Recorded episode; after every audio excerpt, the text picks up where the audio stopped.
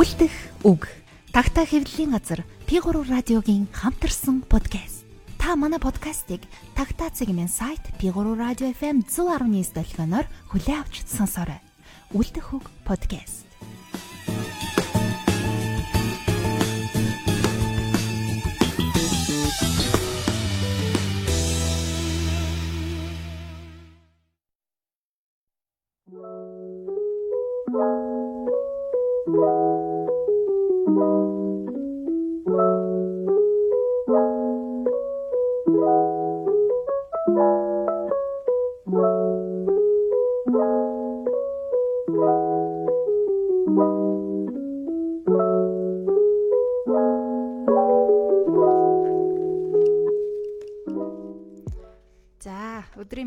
Сонсогчдоо. Баасан гаргийн 12 цаг өнгөрч байна. Бидэнтэй хамт байгаа сонсогч та бүхэндээ баярлалаа. Үлдэх хөг подкастын шинэ дугаар та бүхэндээ хүрч байна. За сайн бацхан үлдэх хөхтэй хамт байгаа сонсогчд үзэгчдтэй баярлалаа. Тавтай эвлийн газар эрхлэгч, зохиолч, орчуулагч баясгалан тантай хамт байна. За өнөөдөр баясагч аа бидэнд Тэмдэглэл тэмдэглэл уншиж өгөх нь уншиж өгье тий өөрөө бичсэн тэмдэглэлийг уншиж өгье. Аа. Тэгээд гоё ярилцъя, гоё тэмдэглэл сонсъё. За Аха. За тэгвэл хоёлаа эхлэх үү дээ. за тэгэл. За би хүчм өгөтгий. Энэ дээр юу орж ирэхгүй байх шигхэн дуун. Аа тийм үү. За за тарч.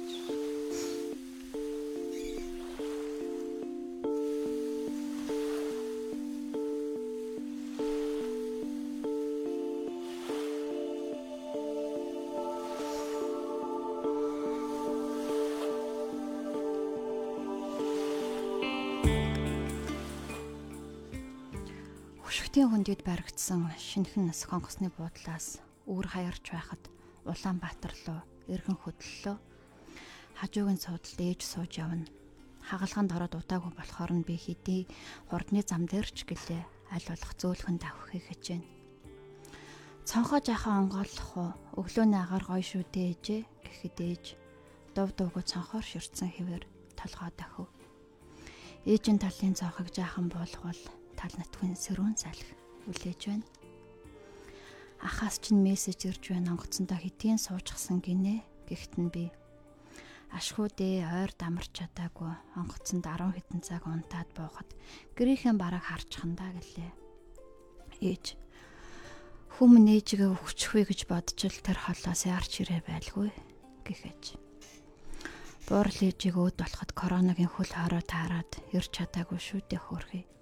Энэ удаа таныг өвдөхөд яаж яадагч байсан амжил гэж бодож ирээ байлгүй. Ээж нэмсгэлөө. Уулын толгой улаарч байсан шаргалтаад бүүдэн харах хүн дондор өглөөний наран өндөж байлаа. Ээжээ нар мандаж байна. Ямар гоё харагдаж байна гэхэд ээж ёстой гоё. Орчлон хорвооч ямар үзэсгэлэнтэй юм бэ гэлээ. Тийм шүү. Ийм үзэсгэлэнтэй хорвоо дээр амьдраад байхаас яах вэ? Нийслэлийн зүг салхи сүргэн давах бидний өөдөөс нар алтан цацаргаа гэл бол мэдчилгэд ээж нарны өөдөөс нүтэй гэл болон энийгээд ястай гоё гэж төрүүчийн үгээ давтан хэллээ. Уулын толгой дээгүүр нар алтарн мандаж байхдаа амьдрал гिचний үзэсгэлэнтэй. Тэр нарны алтан цацраг ээжийн минь ядрангуй царай дээр баясалтаяа тусаж нэмгэн завхыг нанвчуулж байхдаа амьдрал бас л үзэсгэлэнтэй.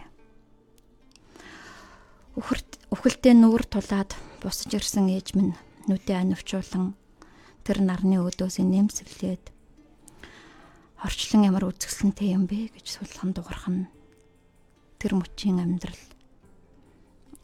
дэндүү үзэсгэлэнтэй хоёрхан хөтөл даваад үлцээд гих нэртэй хашаа байшингууд нь тармагхан ирэх хотын дагуул жижигхэн сурангийн хажуугаар бид давхан өнгөрнө. Үлдээтийн сурангийн хоод ингэрт зайвалцах чимээгүй хотод дөрвөн жилийн өмнө бурхны орныг зорсон эмэг их юм нь бурш буй.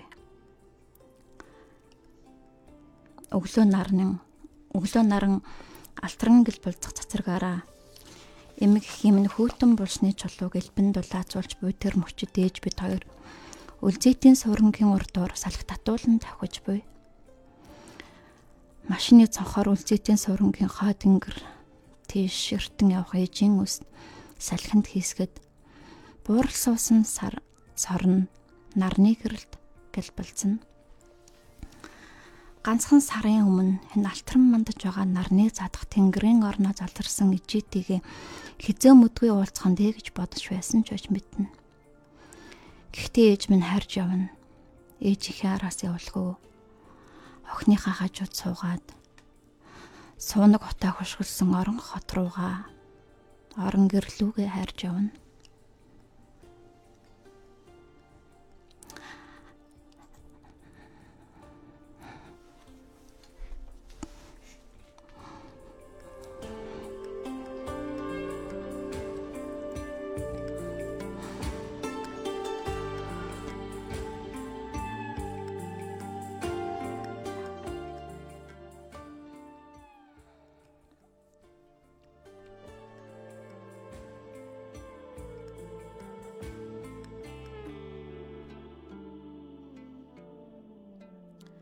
Амьдрал сайхан, амьдралын сайхан баяр гуниг хосолдохдоо цэнгэл зовлон ээлжтэхтэй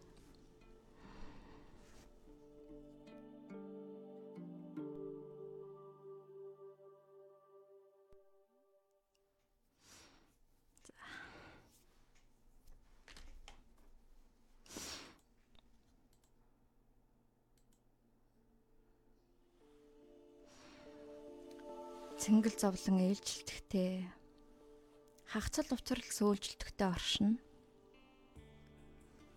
бид хоёр хайрж явна.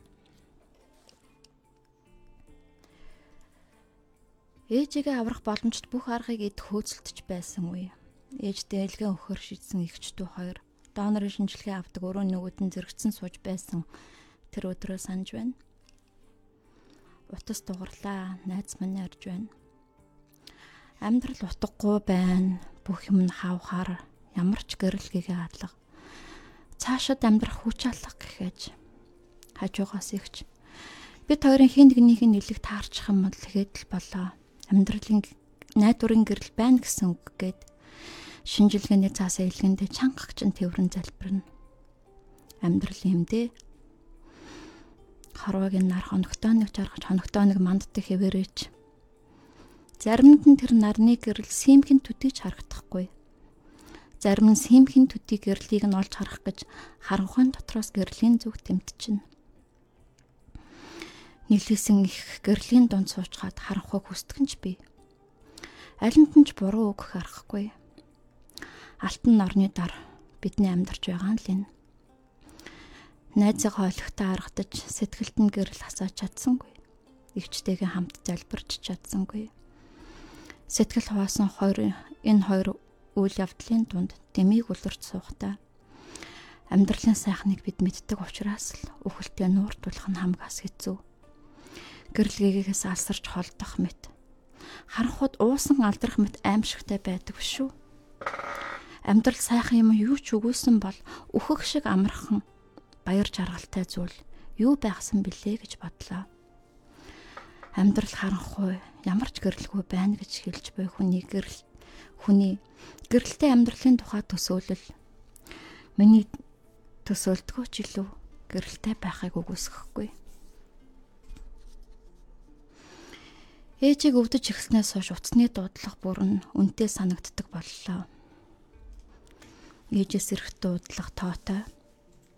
Тэр нь юу юуг дуусгах гэж байвал яана гэж байгаа юм шиг яана гэж байгаа юм шиг санагдаад сэтгэл төвшин залгах бүртэн сэртгэн хойноосоо хэддэх дуудлага нь бол дуудлага ирэхгүй бол бас л төвшин ахиухан яриад авах юмсан ээж их надад бичсэн мессежүүдийг нэг бүрчлэн уншиж надад бас амьдралд ямар хайртайг нь мэдэрлээ. Гэвч тэр олон мессежид тоотой хэдэн удаа л хариу бичсэн байх юм. Маш гоё жүжиг үзлээ. Баярлалаа охиндоо хайртай шүү. Ээждээ яхад мөнгө шилжүүлж байгаа юм бэ? Ээж нь ээжд нь мөнгө байгаа шүү дээ. Одоо хүртэл санаанаас гардаг буй сайхан кино байна. Ээждээ ийм сайхан кино үзүүлсэнд баярлалаа. Миний охин үсээ гой зассан байна. Миний охины намаас чанартай гарчээ. Их жаав хоёр ч нь хараад гайхаж байна. Ээж нь аав нь ч дараа уншина. Охин минь өглөө хоосон гарсан. Өдөр хоол идээрээ.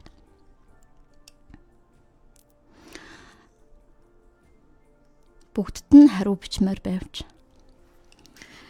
Илгэний хор тавдартай гэсэн уншиг нь өөрөөс нь тас нуучсан тул ажиг сэжиг авахулж болохгүй. Хайл олох ажиггүй тоомжиргүй байхыг хичээнэ. Энэ гэхдээ шинийн биш. 5 жилийн өмнө аманч бас ижил оншоор онцлогдоход бүгд яг ингэж ажиг сэжиггүй царайлж хөнгөн хагалгаа гинэ аав минь гэж аргацсаар аргалсаар мис заслын өрөөлөө оруулцгаж үлээ. Аавгүй хорвоо ямар байх бол гэж анх тэгэхэд төсөөлж үдсэн санагдана. Аав гэдэг бол нөмөр ард нь салхи нөмрлөн дүнхийг аврах уул нурчих юм шиг санагдчихвүлээ. Тэгтэл дахиад 5 жилийн ард ээжгүй орчлонд үлдчихвэл эви би чинь яах вүлээ гэж бодож үзлээ. Ард нуул ард уул нурах биш. Сэтгэлд ус цалгин давлгаадах шиг тийм мэдрэмж. Ээжгүй орчлонд үлдчихвэл би уйлах, миний уйлах нулимс юмсан уу? аавыгаа алдчихвал хатуужиж биеийн цэглэх юм шүү гэж бодож байсан минь ээж дээр ирэхний эсэргээрээ би гэж нэг их норж уйлсан дотроо нурсан хүн үлдэх юм шиг санагдчихвүлээ.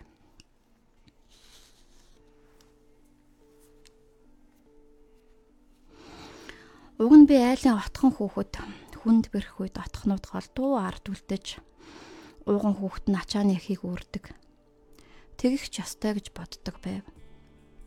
Гэтэл эсэргээрээ юм боллоо. Игч минь уцтаад чи аавд ээж он шиг хэл би айж байна гэлээ. Би аавд яаж хэлэх юм бэ? Та миний ихч шүү дээ гэхүй. Өг дууралгаа уцаа таслав. Яаж хэлбэл айлгаж зочоохгүй байх бол гэж өдөржин маш олон хөлбөрөөр бодож бодож аавынхаа өрөөрөө орлоо ийм юм болжээ. Та сэтгэлээр унаж болохгүй. Та чинь энэ өвчнийг ялж гарсан хүн шүү дээ. Ялж болдог билийхэн жишээ нь та. Тийм болохоор та л одоо ээжийн сэтгэлийг өргөж дэмнэн. Санаа зовлтгүй. Намайг харалта сайхан эдгэрчгсэн байгаа үсттэй. Алцахгүй л гэдэг. гэж захиж сурахын зэрэгцээ хэлэх үгийг нь хүртэл зааж өгөв. Ханижлаа алдахтаа тулсан хүн чинь яадаг вүлээ, ийдэг вүлээ гэж бөөн сандарч нулимс бөмбөрүүлж байна. Тэгэхээр нь хоолойгоо ширүүхэн болгож таал ингэж усан нүдлээ тэхэлбэл бүгд найдваргүй юм байна гэж бодно.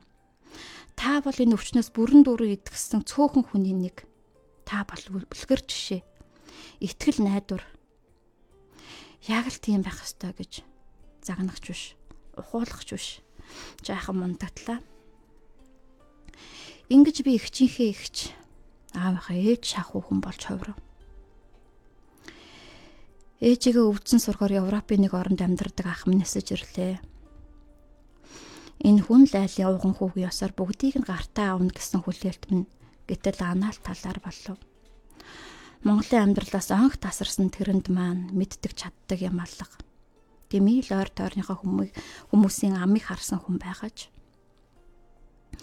Ингээд би өвчний оншийг ер нөхөртөн дуулахаас гадна ах トゥ амрах цаатанд нь хэлэх хатуухан үргийг хүлээв эцсийн он шиг сонсоход эгчийн зүрх үл хөрөхтүүлд анаал айлын отхон би эмч нартай нуулзаж эмнэлгээр тойронгох ажлуудыг нь гардаж мис заслын товыгч толгой тохин батлалцав.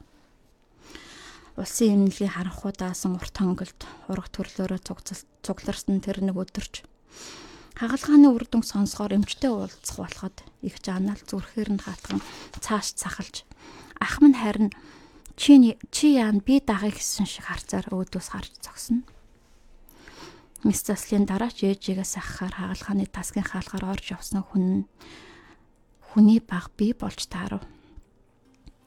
Энэ явдлаас би энэ айлын доторх өөрийнхөө үүргөрөөлө оройдоо ортол мэдж авсан юм. Энэ айлын угнууд ахуйгаа авч явах, амьдралаа дааж гарах аав ээжигээ өдөр тутамд тэтгэж асархад отхон дуу намайг огт оролцуулахгүй явсаар өдийг хүрсэн билээ. Төдийгч хүрх үз хаяа нам сонин зургчийгээр гарч тэрүүхэн хідэн хоронд эцэг эхийнхээс сэтгэлийг баясгахч хийхээс өөр нэрлэх шидгүү нэмэрлэх ачгүй би гэж хүн тэгхэл анхудаа аа би чинь ийм өрхтэй хүн юм байна. Хүнд хэцүү үе тулахад энэ гэрийн сэтгэл санааны ачааг нуруунд дээрээ өгөх хүн нь би л юм байна гэж ухаарч үлээ нэмэр болж чаддаггүй юм гэхэд нөмөр болох учиртай өр хүүхэд нь би юм байна гэж. Ингэж ноттгсэн бивээр хагалгааны ардах хэвтэн эмчлүүлэх тасагт ээжигээ гардан асарч хагасаар болохдоо үүрэгрөөлө маш сайн ухамсарсан хүний осоор эмнэлгийн өрөөнд жээжихээ болон гэр бүлийнхнийхээ сэтгэл санааны ачааллыг нуруунд дээрээ үргэжин ажил хийж байв. Санаа зовлтгүй ээжийн би дэрдэж байна гэж ар гэрийнхнээ тайлбарлуулна. Хилээг бүлөө айх хэрэггүй гэж ийм том хаалгааны ард гарсан юм чинь одоо гялалзаад байлгүй яах вэ? Аавыг харалтай. Одоо ив эрүүл сав саруул гэж ээжигээ цаг тутам тухуулна.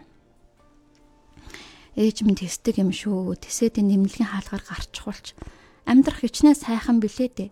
Охин танда тэнгис талаа үзүүлнэ. намайг ингэж ярихад ээж зовөр ихтэй үедээ энэ хүүхэд дуугүй болдогч болоосаа гэсэн тэршээсэн янзтай хөмсгөө зангидаад хариу эс дуурна. Зовөр бахтай үедээ муухан инээгээд толгой тохино. Тэгээд нэр нь л хаа нэгтээ хөөс хөөс захарсан давлгаан эргэн шаргаллсыг алгадан довтолж ирэхэд усан шунгасан цахлаа норсон далавчаараа ус алгад нь дээш босох холын цэнхэр талааг төсөөлөх мэт эмнэлгийн цонхоор гадаг ширтэн жимээгүй хэвтэн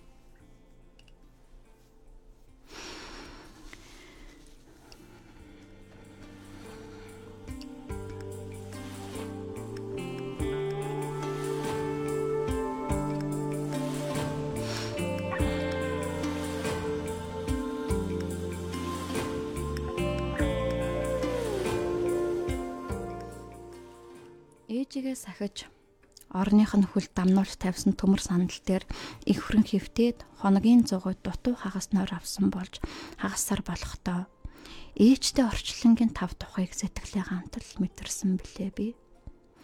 Тэр сандал дээр нурууга холгуулан хөрөөж хөвтгтээ. Орчлонгийн сайханд хамгийн их сүсэглэж бурханд хамгийн их талархаж. Өөрийнхөө аз зайд хамгийн их баярлаж билээ тэгээд ээжигээ хоног хоногоор тэнхрүүлсээр эмнэлгийн хаалгаар сая гарч ирэхдээ нэр нь л багч болохны ачаадах чадaltaй хүн болж уу гэж өөртөө зориг орсон доо. Бас аливааг байгаагаар нь хүлээж авахд суралцжээ. Урд нь амьдралд ямар нэгэн хүнд хэцүү зүйл тохиолдоход хамгийн түрүүнд яагаад гэж асуудаг байжээ. Бүр лавшруулад ийм зүйл заавал яагаад надад тохиолддог байна гэж шаналдаг байв. Харин одоо бол ямар нэгэн зүйл тохиолдвол яагаадыг алгасаад одоо тэгвэл яах вэ гэж боддог болж. Гудамж нь зүгээр л алхаж явтал тохиолдолоор толгой дээр дээрээс унаад ирсэн тоосхонд заавал үүлийн урын учир шалтгаан оноох гэж шаналх утгагүй. Амьдралын олонх зүйл учир шалтгаанаар биш зүгээр тухайн агшны учрал тохиоллоор хэмжигддэг. Учир шалтгаанаар нөхцөлсөн юмсын учир шалтгааныг буух гэж буу юм биш. Зарим зүйл зарим зүйлд сэтгэлийн ийн дадвал бол туулах зам нь илүү амар шиг санагдах. Ээж ихэ тухай багын дурсамжаа нэхэн саналаа Бидний эцэг эхчүүд бол хайрын дотроо хална гаднаа гэх уламжлалт хүмүүжлийн арга барилыг баримтлагсдын сүүлчийн үе байсан шиг санагдана. Хат суулгаж байна гэж хал үзүүлэг үзүүлээгүй л те. Гэхдээ хайраа одоогийн бидэн шиг үг үйлдэлээр асгад цутгаад байдаггүй. Дотогшоо хүмүүс байсан шиг. Ээжтэй байсгээд л зэмлүүлнэ. Үсний хавчаараа гэлээ. Айлын хүүхэд шоглолоо. Ус төлөө ойртуулсангүй. Аяг шанаг угаасангүй. Айл зур гэр айл зур хэрэг тарьж чихнээс хон хуйлаа гэдэл ээжтэй зэмлүүлэх юм ондохгүй. Өдөр нь тэгж баахан зэмлүүлчгээд шүн юу ч ойлгож ухаарсан синжгүй хүн гүн нойрондоо дугтэр дугчирч байхад зүүдэн тунд ээжийн дулаахан гар усыг минь гэлж хацрыг л бэд бүлийн уруулан духансж зөөлхөн дуун чихэн сонсогдож бүх нойрыг минь сэрхүүлзүүлж эхэлтгсэн. Эви миний бор охин. Ээж нөхөн арайч дэндүү загнчих уу? Сахилахгүй юм байгаа юм унтаж байгааг нээш. Миний өөр. Ааштай гэдэг нь зантай гэдэг нь аавыгаа дураасан авиртай гэдэг нь бууж өгөхгүй миний охин. Бор охин дайраа ширүүлчихлээ.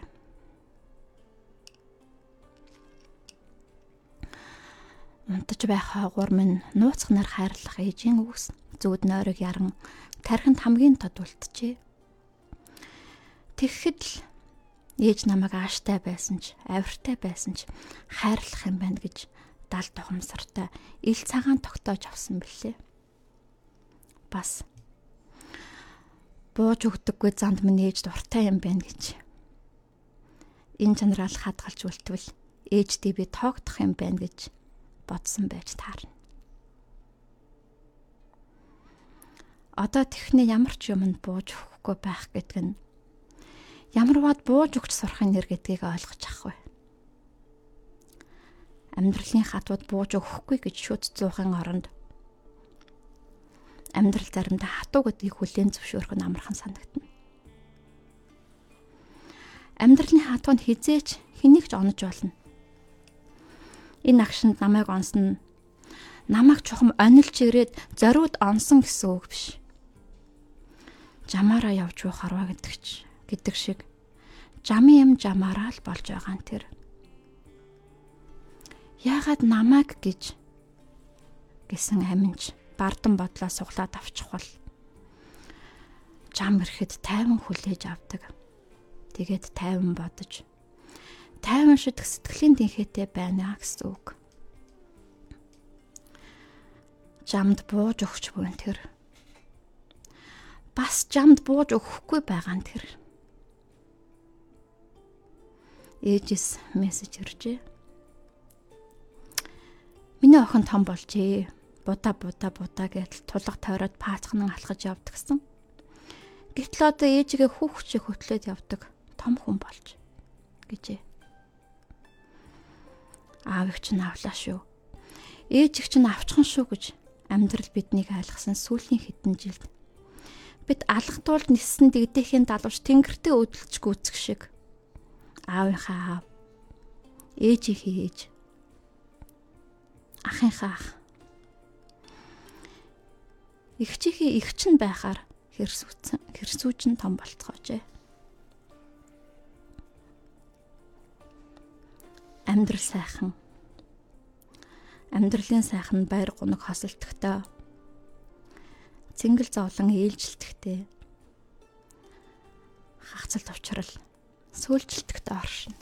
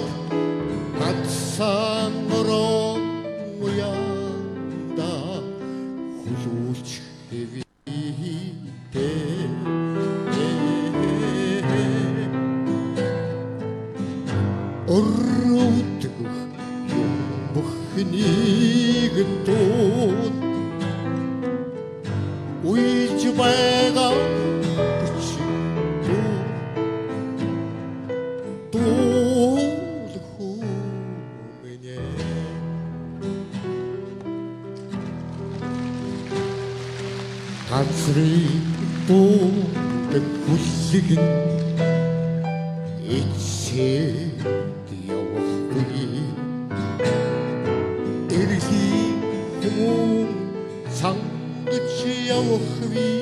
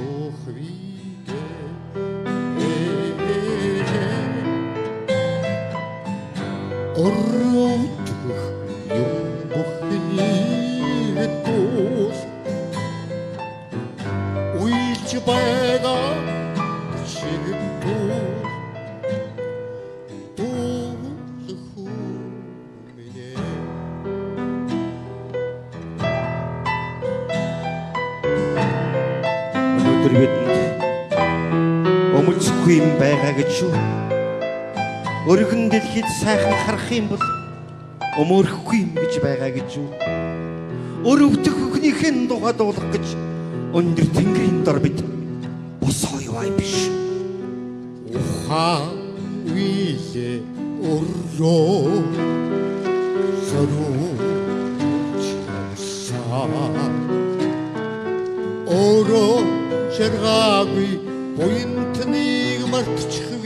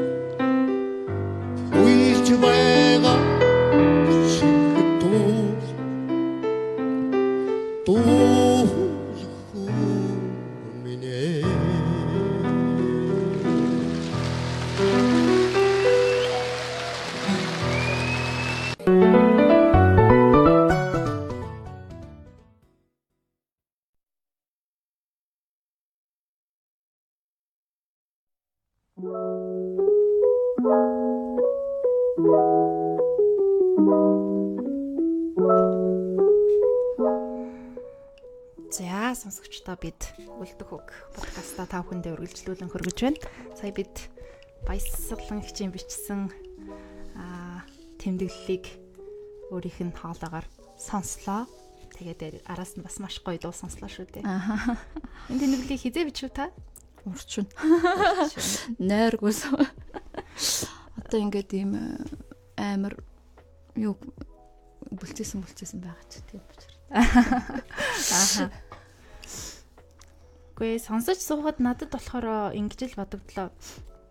Яг адилхан одоо зовлон уу те даваад туулсан эсвэл давж байгаа хүнд энэ хүний сэтгэлийн чин сэтгэл юуг одоо бүрэн дүүрнээрээ те тод томруунаараа бүр ингээд ширхэгчтэн те үг хүсдэггүй таслалгүй бүр ингээд амьсгаа авахын хүртэл ингэж одоо ордог гэх юм уу да орж ийн гэсэн мэдрэмж төрлөө яг одоо яг бодит хөдлөлт биш бодит амьдрал ярьж байна. Тэгээд миний амьдралд бас яг ийм цаг хугацаа тохиолдож байсан. Тэр өдрүүд рүүгээ эргээд явах шиг боллоо. Хүн тэгээд сая нөө дуу явж байхад ярьжсэн шүү дээ. Эргээд тэр цаг мөчөө мартчихдаг юм байна. Яг тухайн үед бол яг ээжигээл эдгээчих юм бол би бусад бүх одоо энэ амьдралаас авах байсан ч юм уу те хожих байсан бүх юмараа дэнчин тавья гэж бодож исэн тэр тэр өдрүүд рүүгээ эргээд ямар ч байсан очиж чадлаа. Тэгээд яг тэр үед ийм юм бодогддог хэрнээ энийг ингээд бичиж гаргана гэдэг амар хэцүү. Тэгээд эсвэл бичгээ бичгээс салширдаг ч гэх юм уу да. Яг тэгж өнгөрч ирсэн аа бас саналаа л да. Одоо яг гоо тэгээд нөгөө энийг бичдэг шалтгаан нь нөгөө яг юм bijэл юм туулж байгаа хүмүүст. Оо ингээд энэ чинь нард нь гарч болдог юм байна. Даван туулж болдог юм байна. Хүмүүс ингээд даван туулсан хүмүүс байд юм байна гэдэг юм мессеж өгвөл зүгээр юм болов уу гэж. Манай аа болвол 5 жилийн өмнө эхний хорт авдраар уншлахтаад тэгээд одоо 5 5 жил өнгөрчихсөн. Тэгээд 5 жил дотор тахахгүй байна гэдэг нь болохоор итгэсэн тооцогдсон юм билээ ерөөдөө. Аа тэгээд ээж маань болохоор одоо эхний жил дээр явж байгаа. Бурхан биднийг ивэх байх гэж бодож байгаа. Тийм тэгээд тийм болохоор нөгөө юм хажууд бас нөгөө бэлэн идгсэн хүний жишээ байгаа болохоор. Аа. Аа энэ чинь бас даван туулж болдгий шүү бүгдээрээ. Тэгээд сэтгэлээ хаттай хатуучльтай байгаараа ар гэрийнх нь ч гэсэн хүчтэй байх хэрэгтэй. Тийм мессежийг нөгөө мартаагүй халуун дээр нь өгчүүл. Тэгээд бас энэ тэмдэглэлийн дундуур гарсан баха нэг юм хэсэг гардаг штэ. Өвдсөн хүний тэрэд бид нар нэг ингээд өөр зүгээр ингээд ердийн юм шиг байх гай те. Яг л өчтөр уржигдэр өмнөх жилүүдэд ямар байсан тэр тэр байдлаараа байх гад хичээгээд идэг те. Одоо жүжиглдэг нь цаашаа ингэхдээ яг үнэхээр бүгд тийм биш байхад тийм байх гэж хичээгээд идэг. Тэр цаг мөчийг туулах нь бас өөрөө амир хэцүү юм уу та? Тий, ингээ манай эгч мэгч бол надаас илүү амирх шаналсан л та. Ус мус нь 30 эдтэй хүн шууд 2 сарын дотор амар цагаан болж болоод. Тэгээд манай хүн бол ингээд ээж ээжүүд зөв зүгээр байгаа мөртлөө айгу айгу цоглог байгаа мөртлөө нөгөө өрөөнд орол уйлаа л тий. Тэгээ би ч одоо та та болмол галцаагнаал. Аа тэгээд надад ч гэсэн хэцүү л байгаа штэ. Тэгээд гол нь тэг нэг хажууд нь уйлж унжаад явал за би өстой ингээл найдварг болцсон юм байна гэж бодох байл гэж бодож тэгж байгаа штэ. Тэгээд түүнээс биш. Тэр ч ямар аль байх вэ тий. Тэг тэгээд бас нэг юм нь болохоор энэ аа одоо ингээд нэг үе солигдоход одоо бидний үе ч юм уу тэрний дараа үе солигдоход энэ хорт авдар гэдэг өвчнөр Монгол улсын иргэд ингэж олноороо өвдөж байгаа энэ тохиолдлоос буурах болов гэж бодож байгаа. Аа гэж найдаж байгаа. Ягаад тэгэхээр яг бидний аав ээжийн үе чинь одоо нэг дандаа 50 60 одоо онд төрсөн. Тэгээд нөгөө буцлах шиг буцлагдаг шипресний үеийн хүмүүс. Аа Тэнэгээр хамаг нөгөө нэг илгэний вирусууд таарсан тий. Ийм үеийн хүмүүс. Тэгээ энэ бол тухайн цаг үеийнхээ анагахан салбарын алтай онооны ингээд золиос олсон хүмүүс байгаа байхгүй. Тэгээд энэ дээр бас Монгол улс чинь хор тавдраар дэлхийд номер 1 тоор тавдар нас оролтоор дэлхийд номер 1-т явж байгаа шүү дээ. Илгэний хор тавдрын нас оролтоор Би бол тэгээд Монгол Улсын төр засаг бас ард иргэдээс энэ тал дээр уучлалт гуйх хэрэгтэй юм байна. Элэн битгэстэй аа нааргараас уучлалт гуйдагтайгаа яг адилхан хэрэгтэй юм байна гэж боддог.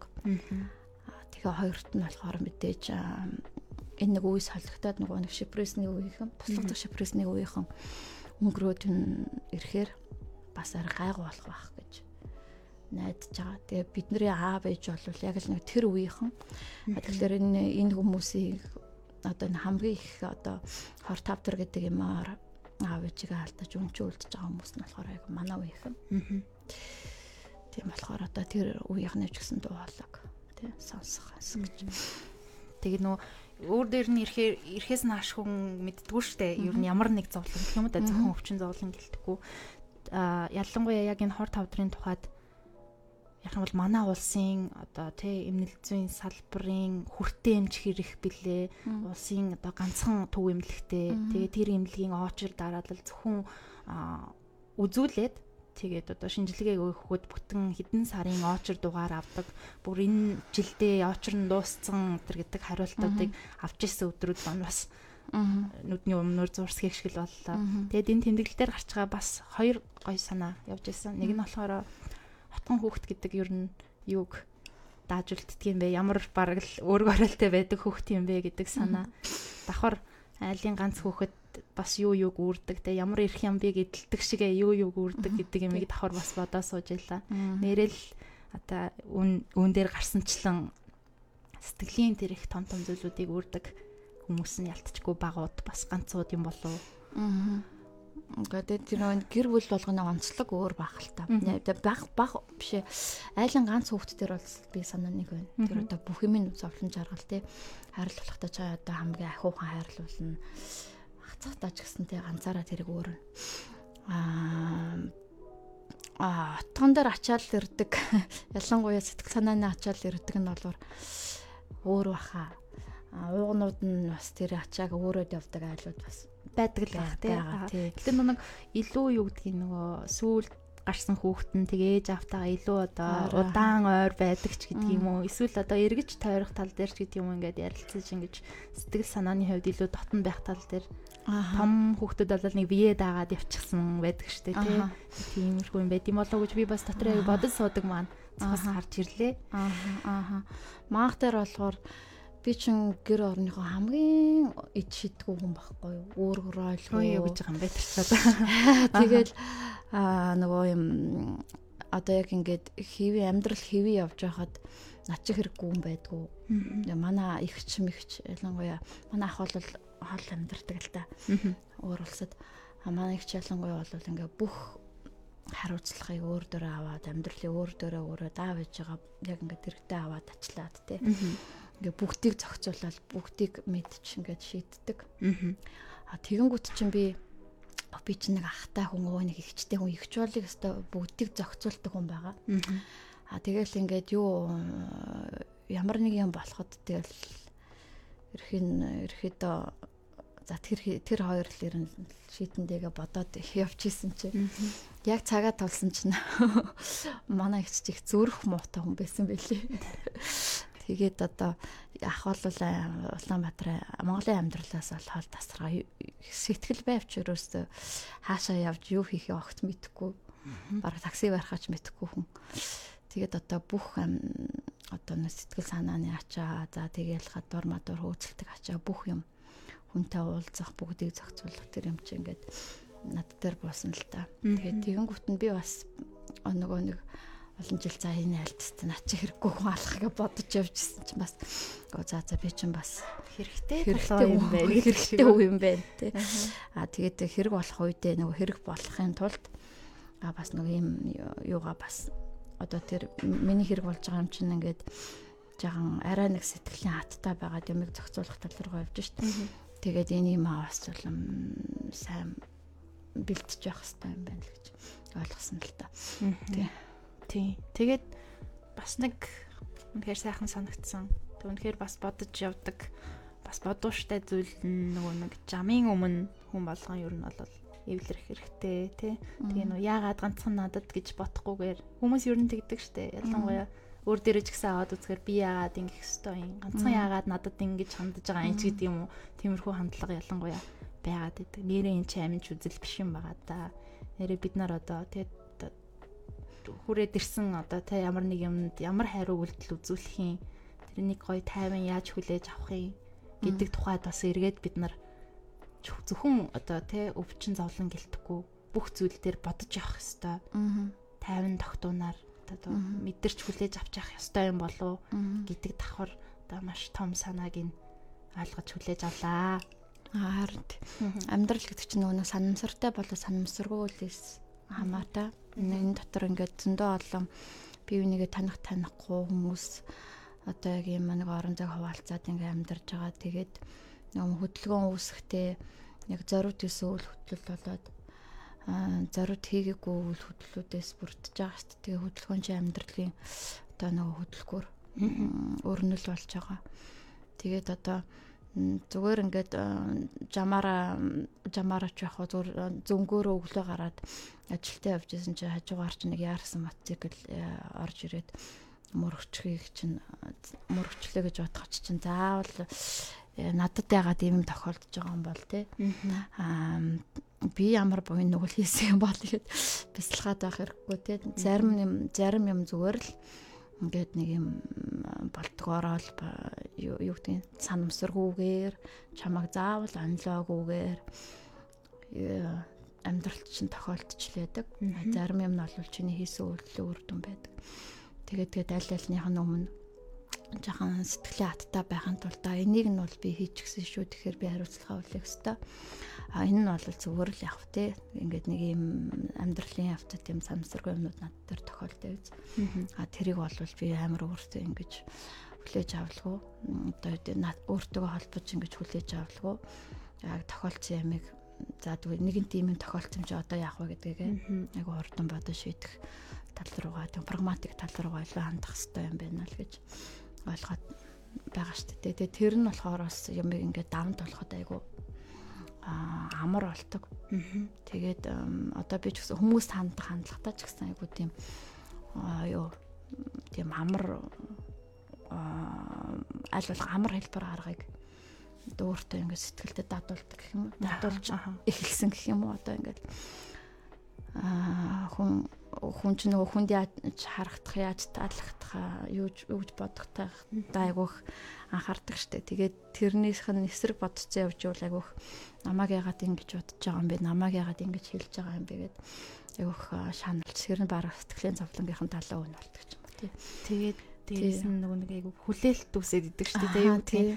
Тийм. Тэгтэл тэгж ботсон байхад чинь намайг яагаад ингэж байгаа эсвэл надад ингэж хандах ёсгүй байсан ч гэдэг юм уу тий нэг ийм хүлээлтэнд баригдаад өөрийгөө айгүй хохироогоод идэг юм шиг. Тэгэхээр зүгээр л ингэж бодох хэрэгтэй бас байна. Аа заавал хүн хүн болгоо миний тухай гоё юм бодож явах албатай ч шүү дээ. Аа тэгээд угаасаа тийм анханасаа тийм тохироо амьдралт хийгээгүй шүү дээ бид нар. Бүх хүн одоо энэ ертөнцид би оршиж би намаа миний оршин тогтнолыг тойрсон бүх юм намайг ямар сайхан юм бэ, гоё юм бэ, мундаг юм бэ гэж одоо ойлгож хүлээж авна гэсэн тийм тохироо анханасаа байхгүй шүү дээ. Тийм болохоор миний тухай дандаа бүгд гоё юм бодож байгаа албуугээ бодож хонгууд чинь тэр чинь ямар ч юм сонссон. Оо тэгэл. Тийм штэ гэл Тий шүү. Тий амьдралд болохоор аль болох тийм амар хэлбэр хандаж сурах хэрэгтэй юм санагдсан.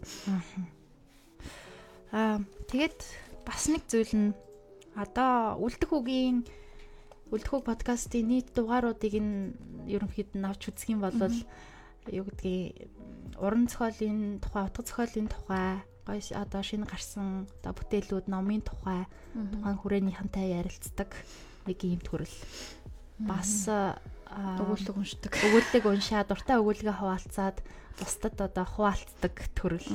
Аа бас одоо сүлд мөөгийн 1 2 дугаарыг харж хахад бусад хүрээний уран бүтээлч залуучуудтай уулзаад тэр нь бас их сонин содон тийм гоё залуучуудтай уулзаад ярилцаад тэдний бас лабораторийн тухай ярилцдаг ийм төрөл. За нэмээд бас нэг төрөл нэмэгдэж явах шиг байна гэж харж байна. Тэгээд яг радио тэмдэглэлч бай, зохиомжч бай, эсвэл одоо юу ч байдгийг те. Ямар нэг уран сайхны төрөл нь одоо нөгөө манай сонгодог радиогийн хувьд бол нэлээд одоо юу гэдгийг те.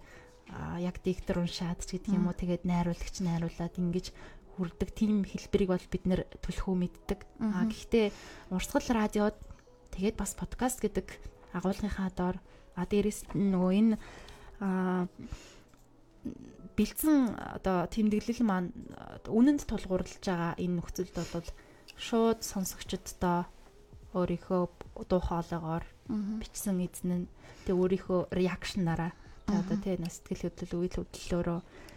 Тэгээд ахмангийн гол нь шуудаар гэх юм уу та? Ингэж хүрх нь илүү үр дүнтэй юм байна гэдгийг би а үлдэхүг подкастыг сонсдог сонсогчийнхаа хувьд за мөн дээрээс нь хамтарч ажилтгийнхаа хувьд бодож суулаа. Би яг нөгөө нэг Монголын радиод бас богино хугацаанд ажиллаж исэн.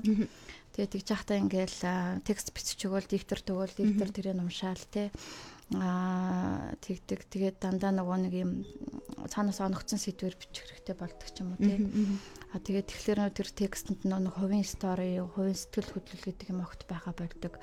Тиймэрхүү юмнуудыг анзаарчсан. Тэгээд ингээд яг радио одоо юм одоо юм радио зохиол радио зохиол яг ингээд яг тийм хувийн сэтгэл хөдлөл, хувийн одоо тэр мэдрэмжэндээ тулгуурласан радио зохиолыг одоо сэтгүүлч хүн өөрөө ингэж бичээд уншаад уншигчтайгаа сонсогчтойгоо хүргээд сонсогчтойгоо сэтгэл зүрхний холбоо тогтоовол их зүгээр юм болов уу гэж амар олон жилийн өмнөөс ингээд бодож байсан. Яг тэгээд тэрийгээ тэгээд ингээд нөгөө нүн нөгөө радиод ажиллаж байгаа нэг дутуу хийцэн юм үлцэм санагдаад байсан. Тэгээд тэрийгээ нэг нэгэнт би одоо ингээд үлдэхөг подкастыг creative writer-тайгаа хамтарч хийгээ. За энэ маань одоо ингээ миний хуучин ажиллаж исэн MNB гэр ингээ гараад олон нийтэд ингээ цацагдчихж байгаа юм чин бас нөгөө нэг хийгээ гүйлтэйгөө сэтгэл байгаад байсан.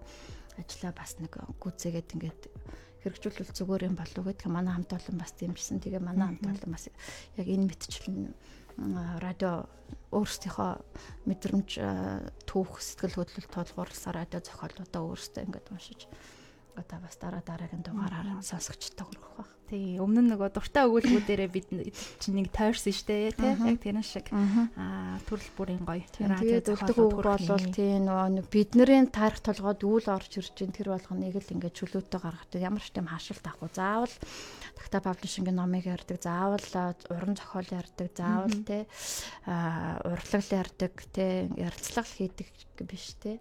Аа бидний санаа саманд юу орж ирж байна, юу торчиж үзмээр байна тэр бүхэнд нээлттэй байх юмсан гэж бас боддог тийм. Яг өнөөдрийн одоо энэ хурц байгаа дугаар бол надад яг сүүлийн үед бодогдоод исэн.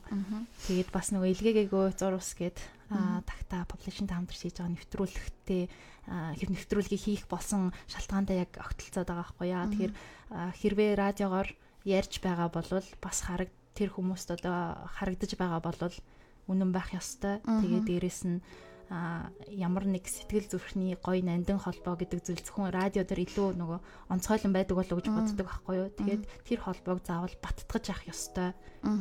Хоорондоо бид нар одоо салшгүйгээр ч юм уу эсвэл зайлшгүйгээр ямар нэг одоо агуулгын дор холбогдож нөхцөлдөж явах ёстой юм болов гэдэг ийм одоо хандлагаар илгээгээгүй зурвсыг тэгээ дээрэс нь энэ нэвтрүүлгийг хамтарч хөтэлсэндээ баяртай байна. За ингээд өнөөдрийн үлдэх хөг подкаст энэ түрээд өндөрлөж байна. Хамтдаа байсан сонсогчдод баярлалаа. За өнөөдөр бол тавта хэвлэлийн газрыг үүсгэн байгуулагч, орчуулагч, яруу найрагч Батсурын баясгалан та бүхэндээ өөрийн бичсэн радио тэмдэглэлийг уншиж хүргэлээ. За. Баярлалаа.